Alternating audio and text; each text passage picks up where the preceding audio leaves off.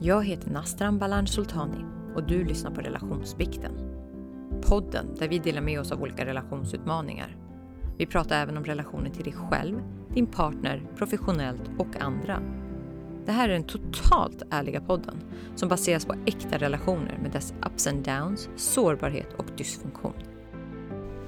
I veckans avsnitt pratar vi om vilka fyra beteenden som leder till separation. Vi diskuterar en omfattande forskning som John Gottman har gjort där han inom 15 minuter kunde förutse vilka par som kommer att gå skilda vägar. Vi går in på dessa fyra beteenden samt vad man kan göra konkret för att motverka dessa ifall man känner igen sig i dem. Välkomna till veckans avsnitt. Ja, men det som är intressant är att den här John Gottman, han kunde ju efter att ha studerat par, jag tror att han studerade dem i 15 minuter, kunde han med 90% säkerhet förutspå vilka som skulle skiljas inom en kort framtid. Just det, John Gottman. Mm. Dr. John Gottman. Dr. Love kallas han också. Dr. Love. Dr. Love. Han hade ett laboratorium dit par fick komma och få gratis terapi mot att han fick filma dem. Och då filmade han ansiktsuttryck för att få fram känslor. Och vad han gjorde var att han kunde ta de här uttrycken och göra faktorisering som det kallas. Han kunde ta flera uttryck och säga men det där representerar den här känslan, det där representerar den här känslan, de här fyra uttrycken representerar den här känslan. Så han kunde, till slut så såg han ju vilka ansiktsuttryck som representerar vilka känslor som återkom hos par som då skilde sig sen och kunde han avgöra att eh, det fanns ett, till och med ett utmärkande uh, en utmärkande känsla, ett, ut, ett, ett, utmärkande uttryck som var det värsta av det värsta. Mm. Men, det, men, men han, han sammanfattar i alla fall i, i The Four Horsemen Precis. Och det är alltså, fy, alltså fyra olika negativa kommunikationsmönster som han menade på att om man har de här så förutspår det skilsmässa. Så vill man då jobba på sina relationer. För det här är ingenting som bara handlar om din kärleksrelation utan det är alla relationer. Man kan även jobba, använda sig av de här i arbetet eller andra typer av relationer för att se vart är det egentligen inte är så friskt eller bra. Vad är det vi behöver jobba på för att förbättra vår relation? Så han har som sagt sammanfattat det här i fyra olika eh, områden, eller horsemen som han kallar det. Det, det, är liksom, det är en biblisk referens. Fyra ryttare, apokalypsens fyra ryttare. Och det här är liksom, apokalypsen, liksom undergången. Mm. Um, och jag, apropå att du säger det, att det här kan använda sig i flera relationer, bara parrelationer. Jag, jag, jag har faktiskt använt det i teamcoaching med mm. uh, flera arbetsgrupper, ledningsgrupper olika mm. företag. Då tar jag upp den gruppcoachingen. Mm. Grymt. Så ska vi gå in på vilka de här fyra är? Ja, det mm. tycker jag. Ja, och, ja, man kan säga också att han har skrivit flera böcker, Gottman också, både om uh, barnpsykologi, man liksom Raise an emotional child, han har skrivit den här boken Making what, Love Last. Nej, What, what Makes Love Last. What, what Makes Love Last också. Tror jag den heter. Jag har den, men jag minns Ja, men den heter namn. något sånt. Ja. ja det är något sånt. Um, Ja, det är i alla fall väldigt, väldigt intressant. Mm. Och om vi ska börja då med den första, den här horseman, ryttaren som man kallar det, eh, så är det ju kritik. Eller hur? Just det. Och kritik är alltså... Det, man måste skilja här på att kritisera sin partner eh, versus att uttrycka ett klagomål. Eh, för man kan som sagt... Det handlar om att inte gå i personangrepp. Du kan klaga på din partner, men att påstå att en person är någonting att du som person är dålig på grund av någonting. Det är skillnaden som han menar på. Eh, han menar till exempel på att eh, ett klagomål kan vara så här. Eh, jag är rädd att du kom hem sent och, ring, och inte ringde mig. Jag trodde liksom att vi hade kommit överens om att göra det för varandra. Det är ett klagomål till exempel. Medan kritik skulle kunna vara att du tänker aldrig på ditt, hur ditt beteende påverkar andra människor. Jag tror inte att du, att du är så glömsk. Du är bara självisk till exempel. Du tänker aldrig på andra. Du, du tänker aldrig på mig. Det är liksom ett personangrepp där man verkligen går till och säger att du är sån här, du är en egoistisk människa på grund av ditt beteende. Medan det första är mer så här, men du, jag trodde vi kom överens om någonting. Jag blir rädd. Jag utgår från mig själv igen som vi har varit, och vi har varit inne och pratat om tidigare också. Så det här är liksom en stor eh, skillnad på hur man kommunicerade med varandra. Medan liksom den där kritiken var inte positiv i en relation medan det definitivt finns utrymme för klagomål. Eh, ja. ja. men det är väl lite jag-prat och du-prat. Kla klagomål, då uttrycker jag hur, vad jag tycker är jobbigt. Jag klagar ju på någonting som jag upplever som en dålig... Mm. Hur det påverkar mig. Mm. Medan eh, kritik handlar om hur dålig du är. Och det är väldigt, nu snackar vi inte konstruktiv kritik. Här snackar vi om att du you're lousy. Mm. Du, du, du, är usel på någonting. Och det vill jag att du ska veta. Mm. På något sätt liksom att man uh, lite trycker ner den andra. Ja, det är inte så fint sätt att, att kommunicera på kanske. Uh, och liksom, så som han menar då, John Gottman, är att gör man det här, använder man sig mycket av kritik så banar det väg för de övrig, övriga tre ryttarna, som man mm. kallar dem. Eh, och för, för det gör att den andra personen känner sig angripen, den känner sig avvisad, den känner sig sårad. Eh, och det gör att det, det, leder bara till ett eskalerat mönster, tydligen. Eh, vi har ju par som vi umgås med, vänner, mm. som har mycket sånt här snack. Uh, där, mm. där de klagar på varandra öppet framför oss och andra som jag har varit med om. Uh, men då kan man också säga så här, aha, det mest det här de gör, vi kommer komma in på något annat som också är identifierat hos dem. Men, och då kan jag ibland tänka så här, eh, det, det här kan ni ta tag i nu. Ni inte, det, inte, det är inte så illa, ni är bara här. Och det, och det här kan komma upp om man bara sover dåligt eller småbarnsåren eller eh, tillfälligt stressad. Då kan det lätt bli att man liksom bara behöver få se till sitt lite grann och då måste du, allting runt omkring vara ganska perfekt på något sätt. Så man kan ändå säga att det här är den mildaste av de fyra ryttarna och är man, är man bara här um, så finns det mycket att rädda fortfarande och kan man stoppa här då har man liksom en mm. Ja, det ja. gäller att vända det här. För jag tror att håller, man på för mycket och kritiserar varandra så leder det lätt till att det blir större och större och att det blir oftare och oftare. Och då kan det också leda till nästa ryttaren som handlar om förakt. Att det till slut handlar om förakt. Ja, man fast förakt är ju den absolut värsta det är den absolut värsta. Mm. Men eh, det var den jag tänkte att vi skulle gå in på nu. Och när man håller på med kritik för mycket, då leder det till slut till förakt. Just det. Då blir det till och med en sanning hos mig själv. Om jag beter mig på ett sätt mot dig mm. och du antingen tar det eller inte, det spelar oavsett vad, och även om du tar det eller inte. Har jag rätt, då är ju du dålig. Vad säger det om mig som är ihop med dig? Och Har jag fel, Ja, då är det, det är bara en, det är lika illa det. Mm. För då är ja, det bara... Och för, för mig då som då kanske blir kritiserad så kommer jag känna att du älskar inte mig, du är bara negativ, du ser bara det negativa, du ser inte det positiva. Jag kommer inte känna mig älskad. Och till slut så kommer det leda till att jag kanske liksom... Ja, men om, om, om jag inte känner mig älskad så kommer jag kanske till slut känna liksom, någon form av eh, men ilska mot dig. Eh, och speciellt om du konstant kritiserar mig, mig som person också. det, det kommer ju leda till att jag till slut börjar förakta dig. Ja, och att du blir urholkad. Mm. Alltså, du, jag, det är väldigt, ett väldigt respektlöst sätt att föra sig med någon mm. annan. Ja, tänk att leva med en människa som konstant kritiserar en. Ja. ja, men det är väl det som gör att så länge man pratar lite jag-prat så kan man ju, det kan ju kännas ovant i munnen att mm. prata om sig själv hela tiden. Men mm. det är liksom på ett sätt ändå ett behovsuttryck istället. Mm.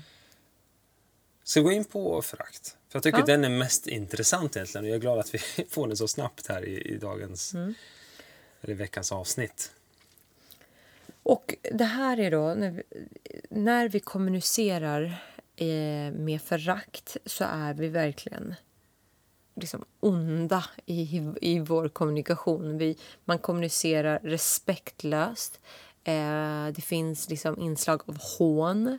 eh, sarkasm, förlöjligande av den andra. Man kan till och med kalla, dem, eller kalla den andra personen för namn. Eh, eller liksom, alltså att man liksom rullar med ögonen. Eh, man använder ett kroppsspråk, man kan till och med kanske göra miner. Alltså du vet, det är, det är, det, det är väldigt långt gånget. Eh, det handlar mycket om att sätta sig över någon och mm. säga att du är mindre värd än jag. Att sätta ner den andras värde, det kan man väl säga. Man brukar säga att den här... Eh, när eh, Clinton, Hillary Clinton förlorade mm. mot eh, Trump. Mm. Det var, det finns the Basket of Deplorables tal mm -hmm. som hon håller. Det här har jag tagit från Monkey Mindset ska jag säga. Han tog det här klippet och jag, jag lyssnade på det. Daniel Sjöstedt tror han heter, jag minns inte exakt. Och han tog det som exempel. Jag tycker det var ett jäkligt bra exempel för då spelade han upp klippet också. Mm. Och det är, då har hon hållit en okej okay ton hela valkampanjen har gjort medan Trump har gått på med sin, sin retorik. Liksom. Han, han, är, han kör ju förakt och hela den grejen. Han, kör, han bara kör på. Men då går hon ner på hans nivå mm -hmm. och pratar om hans väljare. Och sen rabblar hon upp vad de är. De är homofober, de är det ena det andra. Sen avslutar med att de, är, de kan man sammanfatta i att vara ett basket of deplorables. Alltså lite grann så här det här avskrädet, en, en bytta med skräp. Vänta, när gjorde hon det här?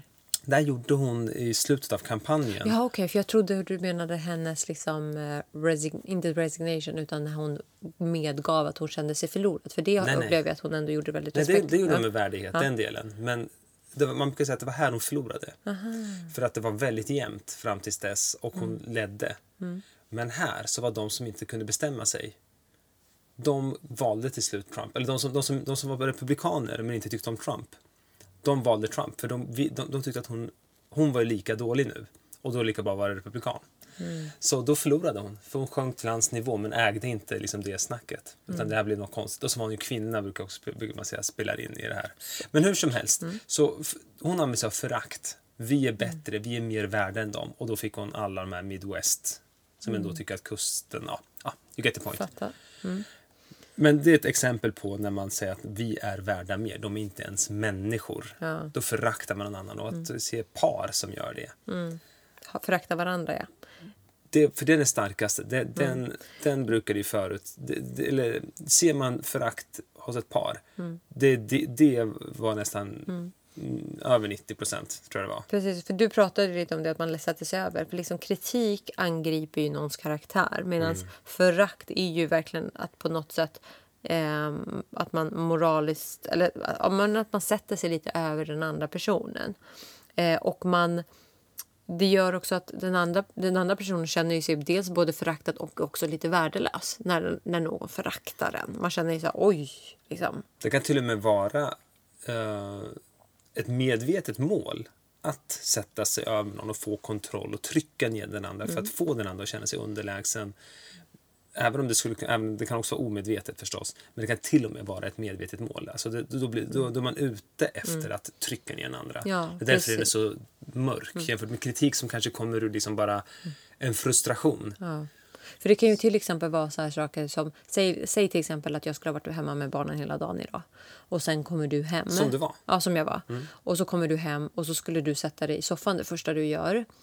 Um, och typ, låt oss säga att du uh, tittar i telefonen eller sätter på no någonting. I don't know, men du gör någonting som jag inte uppskattar. Då finns det olika sätt för mig att kommunicera. Jag gör aldrig det här ska jag säga. Nej, det gör du inte. men, men, uh, men det skulle kunna, ett sätt att visa förakt då skulle ju vara för mig att liksom bara gorma och säga till dig att här har jag varit med, med barnen hela dagen eh, och tagit hand om dem och du kommer hem och sätter dig på soffan. Eh, hur jävla, alltså jag har inte tid för ett till barn. Hur jävla patetisk får du vara? Till exempel. För då, då, då dels kallar jag dig ett barn i den situationen. Jag har inte tid för ett till barn. Och för det andra så kallar jag dig patetisk. Patetisk är ju, tycker jag, ett väldigt hårt ord mm. att säga till någon. Det betyder ju att du, du, du, liksom, du är inte värd något. Nej, just det. Um, så det, det, skulle kunna vara ett sätt att visa förakt på till exempel. Och um, det intressanta är också att forskning visar här att par som föraktar varandra är mer benägna av att drabbas av sjukdomar, smittsamma sjukdomar. Som till exempel förkylning och influensa och så. Men det kan jag tänka mig, om din energi ska gå åt, och du, alltså, om du ska ha stresspåslag, vilket du säkert får av att någon försöker trycka ner dig, egentligen då, ska man kalla det, eh, psykiskt eliminera dig, döda Mm. dig, då ska du få flight or fight. Jo, men man Det, är känner, tänk att vara i ständig stress. ja, Det man är får ju- ett försvagat immunförsvar, men jag tänker också att det handlar om att du, du måste ju känna dig ganska ensam. Mm. Tänk att du är i en relation där ni hatar varandra. Alltså ni föraktar varandra. Det är ju hat. Eh, man måste ju känna sig otroligt ensam i den. Och jag tänker ensamhet är ju en av de... Inte det? eh, Nu, nu kan jag inte, nu bara hittar jag på här. Men jag, jag, jag för mig att det är ju...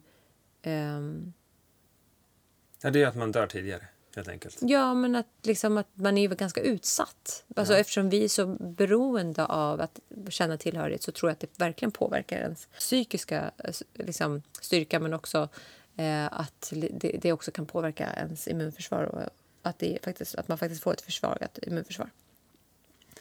Så man kan se det som också som ett slags... Eh, jag menar alltså också så att det är ett förfall av beundran.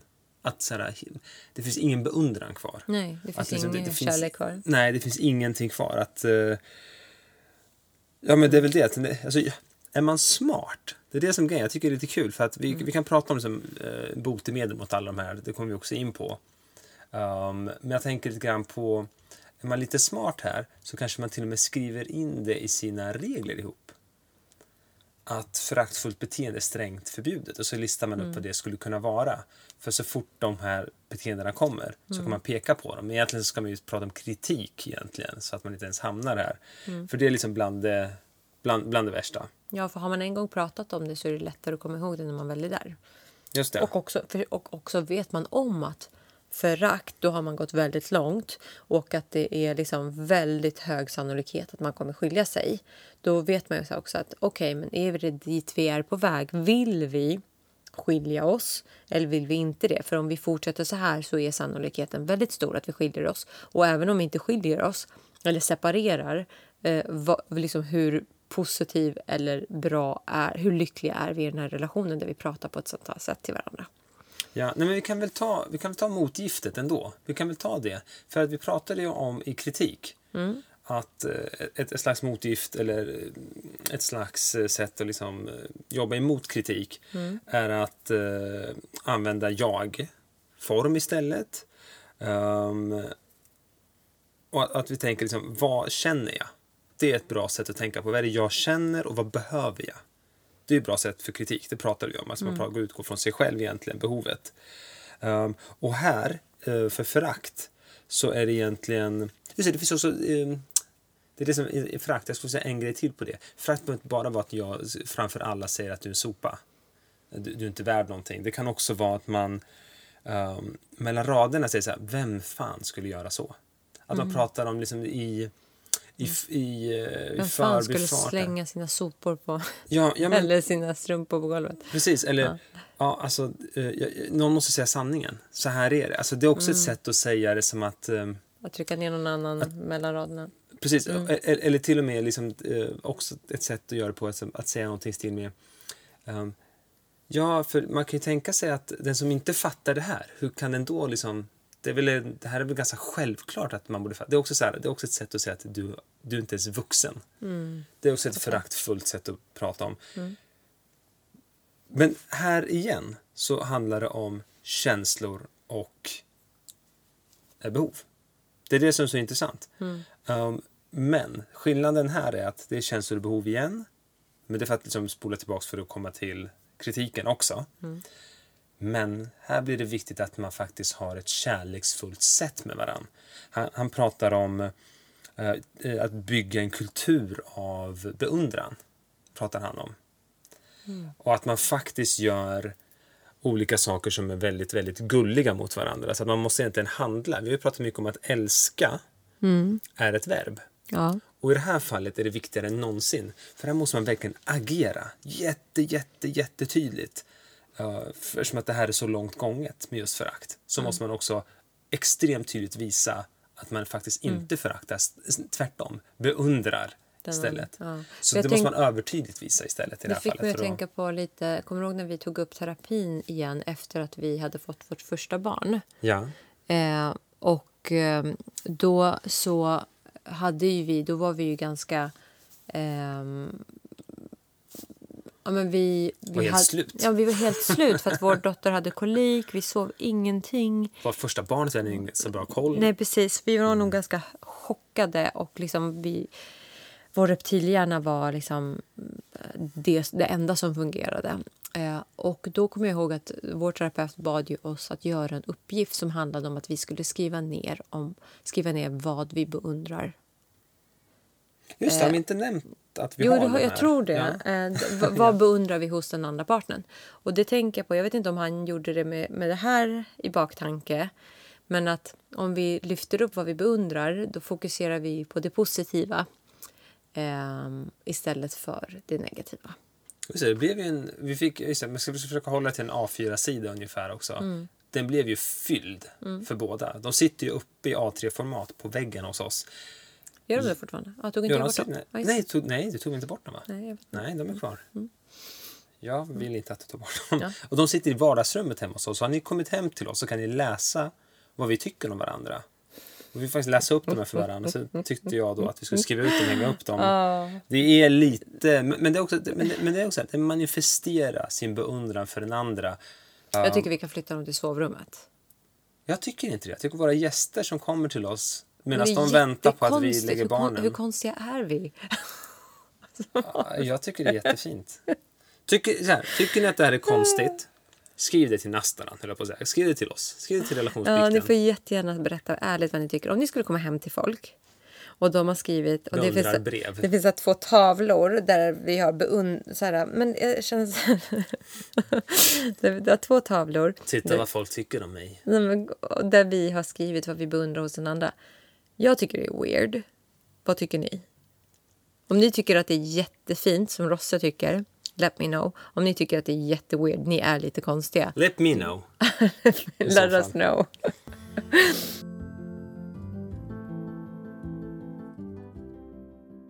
Men som vi var inne på så är alltså förakt det mest destruktiva av de här fyra olika horsemen, eller ryttarna. För eh, så liksom har man det här, då har man gått ganska långt. Eh, och det är väldigt viktigt att bryta den här, det. eh, det här beteendet mot varandra. Och en, en, en- en coach, ett coachingverktyg brukar ju vara verktyg och det kan man använda här. Och det, då, då förutsätter man inte saker, absolut inte, för, och absolut inte att du är det värsta jag vet. Så det brukar vara ett väldigt, väldigt bra grepp. Att, jag försöker vara, att jag försöker vara nyfiken. Men det är svårt. Om den andra, om jag känner att jag har förakt för den andra eller att den andra föraktar mig. Då ska jag börja vara nyfiken och vara empatisk tillbaka för att bryta mönstret. Det är extremt svårt. Så förakt brukar oftast vara så här, har man nått dit här, känner man att den andra föraktar dig eller du föraktar den det andra. finns ju inte respekt kvar då. Nej, då, då, då har man passerat många, många gränser. Och vi kommer in på de här två andra ryttarna alldeles strax. Men då kanske det är dags att faktiskt söka upp en Ja, ja, terapeut eller definitivt. coach eh, om man, om man har nått dit hän. Definitivt.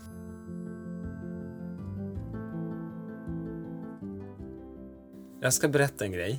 Nastala nös precis. Och då knackade hon sig på huvudet.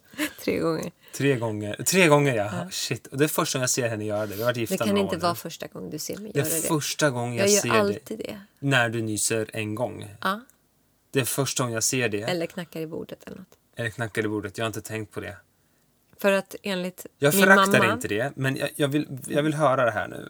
eller min mamma, eller enligt kurder, jag vet inte om det är även perser och så, så finns det liksom så här en grej att nyser man en gång så betyder det otur. Nyser man två gånger så betyder det tur. Okej. Så när vi var små och jag sa så här, mamma, eh, får jag eh, göra det här? Och så råkade jag nysa då. Då var hon så här, "Ah, nej, det får du inte. För det där var ett omen. Det där var liksom... Men, men okej, jag- okej. varför gör du det nu? Nej men det sitter i. Det sitter i att när jag nyser en gång så måste jag knacka i trä och så har jag tagit det till att mitt huvud är trä, vilket det inte är, men så knock on woods. Nu gör jag massa föraktfulla miner här. Jag gör ju det. Jag tänker inte på det. Men jag, Du, jag, jag, du gör blir, väldigt trötta miner. jag blir väldigt trött. Jag blir, Ja. väldigt, jag, blir här, jag är helt urlakad väldigt snabbt här. Ja. Jag känner att du föraktar mig när du gör sådana saker. Va? Vad snackar du om? Nej. Men kan, vi måste sluta med det. Ja, men det sitter som en reflex. Att liksom, det bara sker automatiskt. Att jag knackar Oh, på saker. automatiska handlingar. Okej, Mm, bra. Det är som att jag inte går på A-brunnar. Du kan inte berätta sånt här för. Jo, det kan jag. Nästan gått på A-brunnar. Jag har ingenting sånt. Jag har ingen I vidskepelse. Jag, To disagree. Nej, sä, säg en grej. nej, jag måste komma på. Jag har, in, alltså, det finns ingenting sånt. Att göra saker på ett visst sätt. Om det inte är förankrat i att det är väldigt bra för hälsan eller kroppen. Så du har inget så här att om du spelar på något spel Nej. eller typ du spelar på någon match eller någonting. Nej. Så, någonting. Eller Nej. du ska på fotbollen. Har du ingenting tics? Ingenting. Ing- så att Du ingenting. ska, ingenting, ingenting. Nej. Jo, det har du. Du ska Va? alltid dricka kaffe innan du går på fotboll. Ja, varför det? För att det är koffein? Nej, det är inte säkert. Du tror ju att du blir bättre. Jag tror att det är... Ja, nej, ja, men, jag spottar inte över vänster axel innan jag går in och tror att det blir bättre. Jag dricker kaffe för att det är koffein och man blir upp, uppiggad. Ja, men det kanske bara till slut... Det är vad man dricker i vilken energidryck som helst som innehåller koffein. Så, så det, det, det, Men det kanske är placebo i slutet. Det är vetenskap. Ja, men jag ska ge dig, vad heter det, eh, decaf så får vi se att du kommer prestera lika bra. Okej. Fast det är inte jag som gör mig själv decaf eller dricker typ eh, va, ljummet vatten istället för kallt vatten. Jag tänker att ljummet, det lärde jag mig och sen Frank. Ja, Okej, jag vi kan släppa ja, nu. Jag ska komma på någonting som du har. Ah, oh. Okej, det var en lång parentes och Ja, det, parentes. det är någonting som... Ja.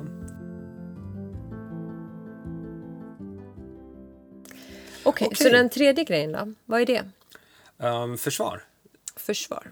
Ja, att man försvarar sig. Defensiveness kallar han det. Mm. Och det är väl också lite grann eh, kritik. Att man hela tiden går i försvarsställning, som Mm. vi kallar det på svenska. Ehm, och och det, är liksom, det är också en, en, en ryttare och den är liksom... Det är också en sån där nära förakt. Det är när jag känner att jag är liksom hela tiden i ett hörn. Jag måste försvara mig. Eh, och, och där kan det också komma i en form av kritik. Jaha, är jag sån här nu? Ja, men du då? Så det kanske kommer tillbaks då som kritik. Försvaret går tillbaks som kritik också.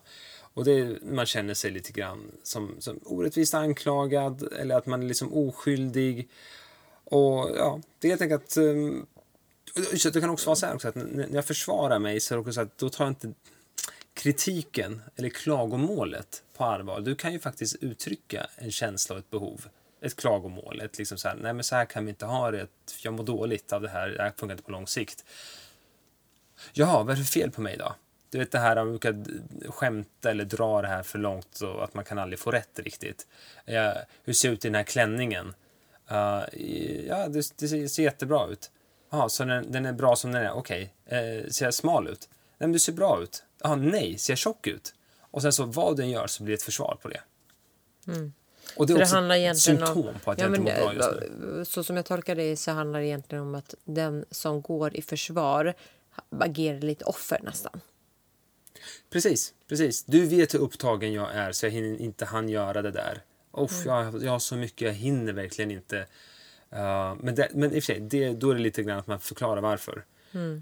Varför, gjorde inte, varför gjorde inte du det? Alltså man är defensiv och sen vänder man skuld tillbaka kanske. Det är också ett försvar. Att man försöker hitta skuld och sen andra direkt.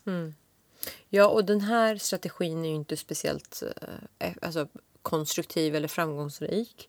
För eh, att vi bara ursäktar, eller att man liksom eh, är defensiv eller ursäktar sig eh, visar ju bara på att man inte tar oron heller på allvar. Den andras Precis. oro på allvar. Eh, och att också, det viktigaste tycker jag är att man inte alls tar ansvar för sina egna misstag.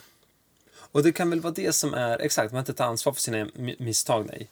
Och, och det är väl det här som vi pratade om när man gör uh, gottgörelse i tolvstegsprogrammet. När man är på nionde steget gör gottgörelse så är ursäkten bara första delen i en trestegstrappa. Som jag, så, så fick jag lära mig i alla fall och så har jag använt, har jag använt det när jag gjorde min gottgörelse att ursäkten var så här, ja men jag hade mycket, eller jag mådde dåligt i livet och då betedde jag mig så här.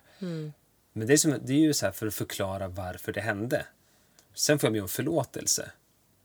Och sen får jag be om att få gottgöra. Och det är väl de här tre som blir icke-försvar.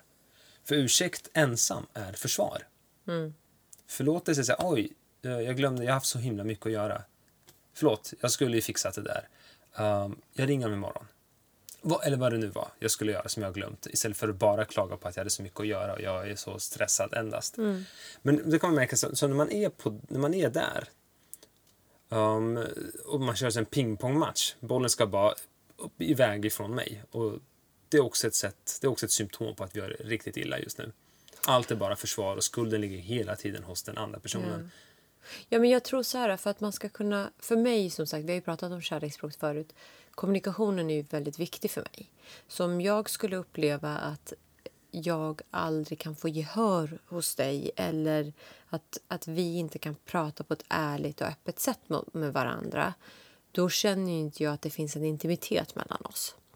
Så att någon hela tiden går i försvar är ju ett sätt, det är ju en väldigt oärlig och oansvarsfull sätt att kommunicera på. Vilket gör att det blir ju inte ett ärligt språk mellan oss och det blir inte heller team, alltså vi är inte ett team upplever jag då. För till exempel om vi tar ett exempel om, om, du, om vi har sagt att du ska göra någonting och så frågar jag gjorde du det? Och så säger du att nej men jag var så himla upptagen, du ser väl att jag är så upptagen, varför gjorde inte du det? Och sen har du lovat att göra det. Eh, dels så går du i försvar, dels så bollar du tillbaka till mig. Och då blir det verkligen så här, va? Men vänta nu, det här var inte vad vi kom överens om. Det här är, vad, vad, vad håller du på nu? Varför kom skulden till mig? Om, istället för att då kunna svara så här, nej du, förlåt, jag glömde. Jag tog ju faktiskt på mig det, förlåt. Då kan ju jag känna så här, aha, men det jag säger är viktigt. Det fanns en sanning i det, det var en överenskommelse och du tog ansvaret och liksom insåg att det här var din grej som du missade. Det gör ju också lättare för mig att göra det då, för mina grejer till exempel. Så Ja, det är ett väldigt osunt sätt att hantera en konflikt på kan man ju säga. Ja. Men också då kommer man in lite grann på något som är närbesläktat tycker jag.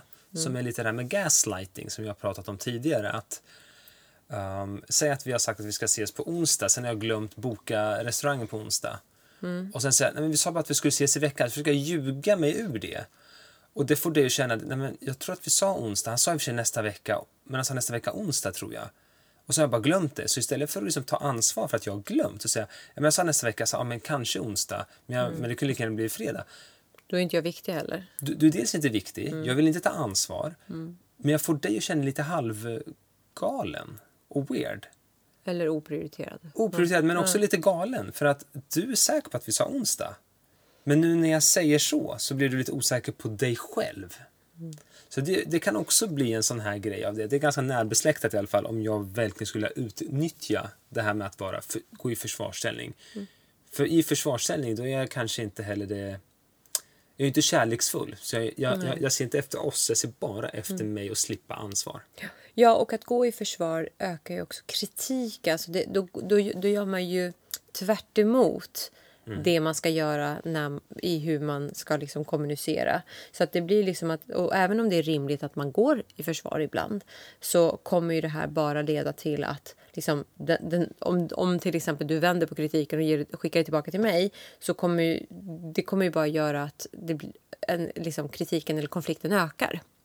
Ehm, Nej, just det. Att, konflikt, att konflikten eskalerar istället. Istället Ja. Mm. för att stanna upp och sen sugs in och försvinner i ett förlåt, jag tar tag i det imorgon. Och nästan ska jag försöka komma ihåg det. Jag kanske ska lägga in det i kalendern. Det kan ju lösa konflikten istället. Precis, det blir liksom ingen sund konflikthantering utav det här. Och jag tror att så här, hur jag skulle känna om du skulle säga det första, men, men du vet ju hur stressad jag är. Där. Det skulle jag känna så här, men du prioriterar inte vad vi pratade om i ditt schema.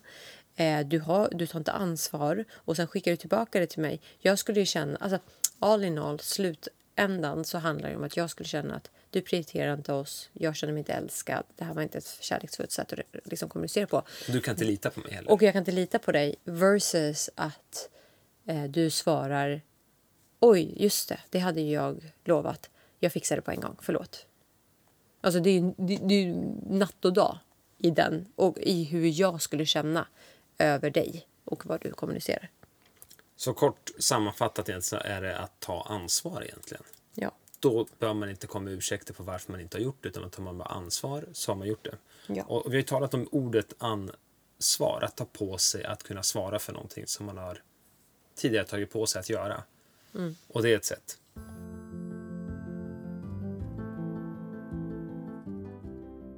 Och så har vi då den sista som kallas stonewalling. Vill du berätta vad den är? Jag kan faktiskt berätta lite vad, vad den skulle kunna tänkas komma ifrån så fattar folk den lite bättre. Mm.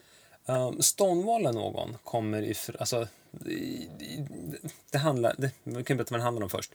Det är när man liksom, eh, behandlar någon med tystnad. Man säger ingenting istället. Man, blir, man är besviken. Istället för att kommunicera så kommunicerar man inte. Fryser ut den andra, håller tankarna för sig själv lite grann och liksom är bara tyst.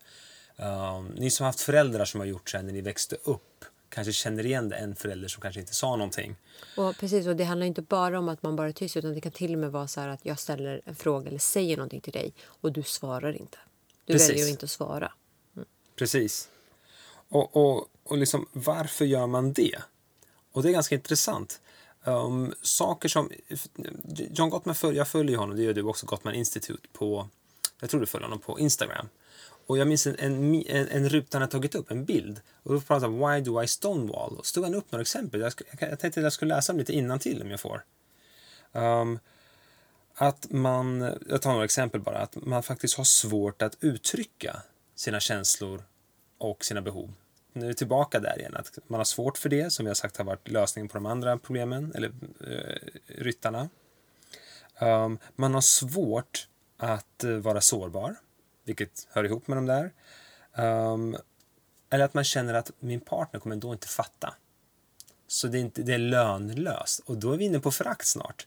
För hon kommer ändå inte Eller fatta. hopplöshet skulle jag säga. Ja, hopplöshet. Men det är också nästan på förakt. För om jag tror att du ändå inte fattar. Då antar jag att du inte är lika klok eller att du inte är värd att lägga ner tid på att förklara för. Och sen har vi kanske, just det, sen har vi att, att det skulle också kunna vara att man har växt upp i ett hem. Det är därför jag nämnde det med föräldrarna. Där man undviker varandra. Och nu är vi inne på anknytningsteorier bland annat. Där man inte talar om känslor. Där man undviker att tala om känslor, undviker att tala om behov. Så att det kanske kommer därifrån. Och då är det lättare att gå till just den här stonewallingen, den här tystnadens kultur. Um, eller så behandlar jag det med liksom kall, respektlös tystnad. tystnad. Du är inte värdig att kommunicera med, helt Nej, enkelt. precis. Och jag ska ju säga att jag kan ju känna igen mig lite i den här. Alltså du vet när vi har haft nå, vi, och jag har ju kopplat ihop det här med eh, anknytningsteorier. Eh, det här med att liksom om man är otrygg, undvikande. Eh, för jag kan ju ibland bli tyst. Eh, dels ibland blir jag tyst alltså, för att jag tänker och så också. Men eh, det här med hopplösheten, han kommer inte förstå ändå. Den upplevde jag att jag kom till många gånger med mitt ex. Och vi separerade ju. Men jag kan uppleva också att om vi hamnar i en diskussion där jag känner att vi inte kommer någon vart. Eller där du sårar mig på något sätt. Eh, eller jag känner så här, oj vad jag är besviken nu. Då, då går jag också in i mig själv. Så jag går ju in i mig själv mer. Det är mer som att jag har gett upp lite då. För jag, så jag kan känna igen mig i det här beteendet tyvärr. Jag kan Mm, komma det är därför du dit sa hopplöshet nyss, uppgivenhet Ja. Mm. liksom åt det hållet istället för att, just det. För, Ja. det, för mig handlar det inte om förakt, det handlar mer om besvikelse och hopplöshet. Eller sårad så kan jag göra så. Ehm, men det är mer för att jag också måste liksom digest lite grann. Ehm, men, ju, men, men stonewalling kan ju också vara att det handlar inte bara om att vara tyst. Det handlar ju också om att man kan vända, alltså fysiskt kan man vända sig bort. Man kan agera upptagen. Eh, eller liksom att man är väldigt liksom... Ja, men, man är väldigt distraherad av någonting annat. Eh, till exempel. Eller, eller har väldigt mycket känslor som man inte ens vet vad Mm. Som man inte ens vad kan hantera. Man kan Nej. inte hantera det. Man är lite fylld, uppfylld med massa olika känslor som man inte kan hantera. Nej, Precis. Exakt. Ja, för det kan det vara. Jag kan ju vara liksom, jag kan ju uppleva att jag drar mig undan och behöver få bara tänka lite ibland. Och, och, och det, det finns ju något som heter exekutiva funktioner inom kognitiv psykologi. Um, och har man uh, alltså överbelastat sig emotionellt Mm. så funkar man inte lika bra exekutivt. Så man kan inte ens tänka en klar tanke, än mindre kommunicera den. Mm. Så då behöver man till och med En paus. en paus. Och då kanske man kan uttrycka det istället och säga att jag behöver en paus. Och sen kan man gå därifrån och då är det inte stonewalling längre. För då är det inte för att skada dig eller visa att jag är arg på dig. Eller då, då handlar det om att jag måste få lite tid. Och då, vad gör man då? Då uttrycker man faktiskt ett behov. Att jag vill, jag vill inte att det här är slut, men jag behöver bara fem minuter. Eller vad det nu är man behöver. Ja, för att det blir ju också ett kärleks... Alltså att säga så här, kan vi ta en paus? Visar ju på att jag prioriterar vårt samtal. Därför så känner jag att jag behöver en paus. Medan om man bara blir tyst så visar man på att du är inte värd att diskutera med. Just det. Alltså Just det är ju det man egentligen förmedlar. För att jag tänker inte prioritera att prata med dig. Du är inte värd något eller vad det nu kan vara.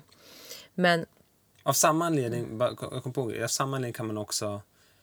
När, när jag- ställer så en, en, en komplicerad fråga till någon och jag tänker att det här är en ganska komplicerad fråga och jag frågar en expert som kanske är en vän eller bekant. Då uppskattar jag mycket mer när personen säger någonting i stil med Du, det där var en bra fråga. Får jag ringa dig om en halvtimme? Jag behöver bara kolla upp en grej. För jag tror jag vet varför. Och så kanske de säger eh, huvudregel är det här eller utgångspunkten är det här. Men eh, jag ska bara kolla en grej. De begär en paus och då känner jag mig extremt väl behandlad av den personen. Att den tog mitt ärende på allvar. Än, om den hade så skjutit från höften under det samtalet och sagt någonting. Då hade de känt mig lite mer nervös för att ta det rådet och springa med det. Om det inte är den absolut experten på just det här området. Men att, men att ja, jag hade känt mig lite mer orolig. Men känt mig otroligt privilegierad om den personen hade liksom tagit en paus och återkommit en halvtimme senare med ett researchat svar. Och det är det man gör här. Ja. Man säger låt mig bara känna efter vad jag egentligen tycker om det här. Du ska få det bästa möjliga svaret. Inte i affekt. Ja, så stonewalling är alltså den fjärde horsemanen eller ryttaren som han pratar om som är liksom tecken på att ens relation inte kommer hålla. Och det här är liksom så här, om man återupprepande gör de här fyra sakerna. Ehm, och det är liksom så här, stonewalling kan ju också vara ett resultat av att man känner att ingenting, inget, alltså de andra tre är så himla liksom närvarande och att man använder sig till slut så är det här den enda utvägen. Att bara vara tyst. För det lö, lö, leder ingenstans ändå till exempel. Då har man ju någonstans gett upp på sin relation. Just det. Och, och, och nu har vi också därmed egentligen diskut, eller nämnt själva, Eh, motgifter. själva motgiftet och det är den här pausen. Ja. Man ska ta en liten paus då. Men, men det är det det ska vara också. Säger man ska vi också kommunicera. Exakt. För man ska inte ta en paus genom att vara tyst i 20 minuter. Utan man ska, Kommer säga att man behöver vara tyst i 20 minuter. ja, precis, man ska kommunicera att man behöver den där pausen. Och, och Gottman säger till och med så här att man kan faktiskt ha en signal om man vill.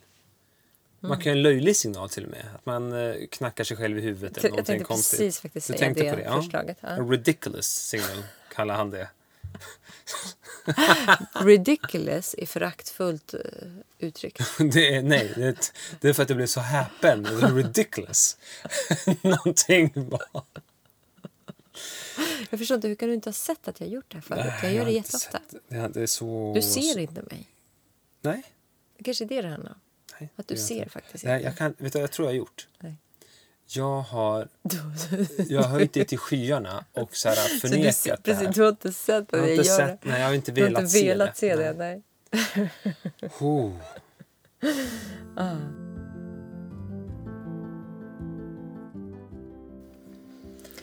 Så det här var ju de fyra olika ryttarna. Men ka- ka- innan vi fortsätter, för jag vill gärna höra hur du jobbar med det här. Du som ändå jobbar, jobbar med par. Eh, Jag jobbar med Teams och då, jobbar, då kommer jag nästan aldrig in på antidotesen för de vill egentligen bara höra att de har ett problem och sen vill de lösa det.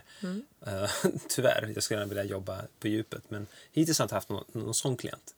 Um, men då är ju du. Vad, vad skulle du sammanfatta det med? Eh, Sammanfatta det vi har pratat om hittills innan vi fortsätter tänker jag bara så att vi, så att, ja, man är med.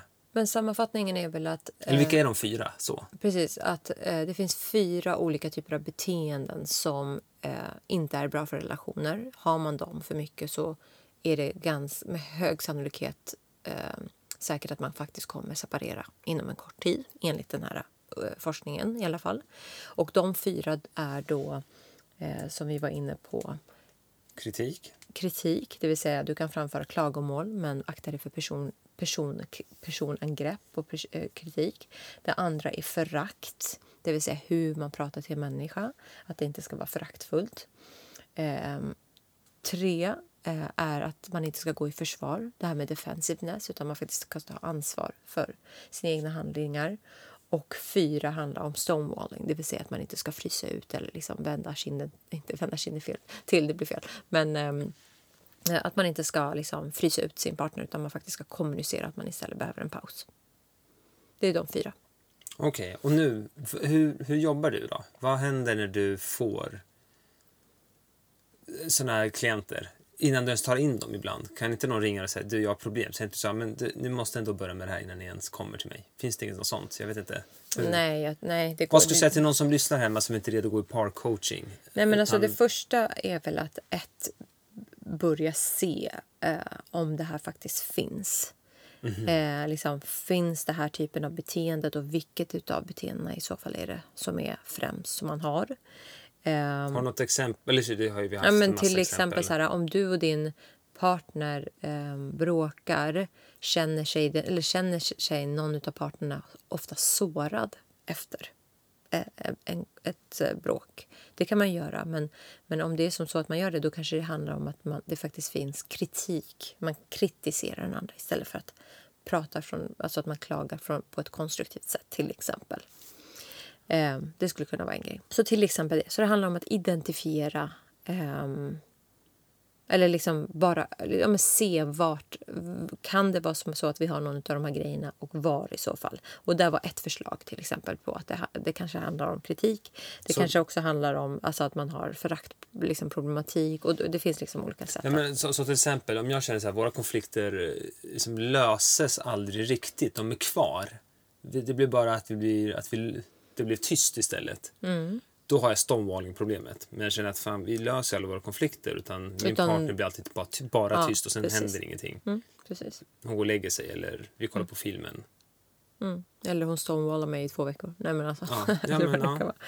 Eh, det andra är att identifiera, alltså så här, peka ut beteendena. Och det bästa sättet att göra det på är ju liksom att man själv går tillbaka till vad ser jag mig själv göra? Istället för att titta på den andra partnern vad gör jag utav de här olika sakerna?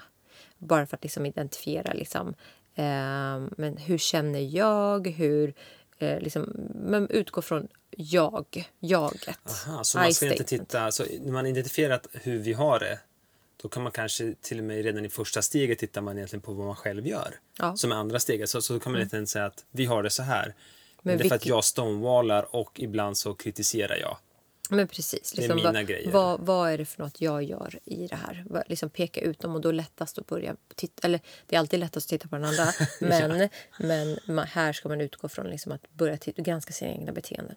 Just det. I ettan kan man titta på båda lite grann. I det här steg ett. Och sen steg två är kanske med sig själv. Okej. Okay. Mm.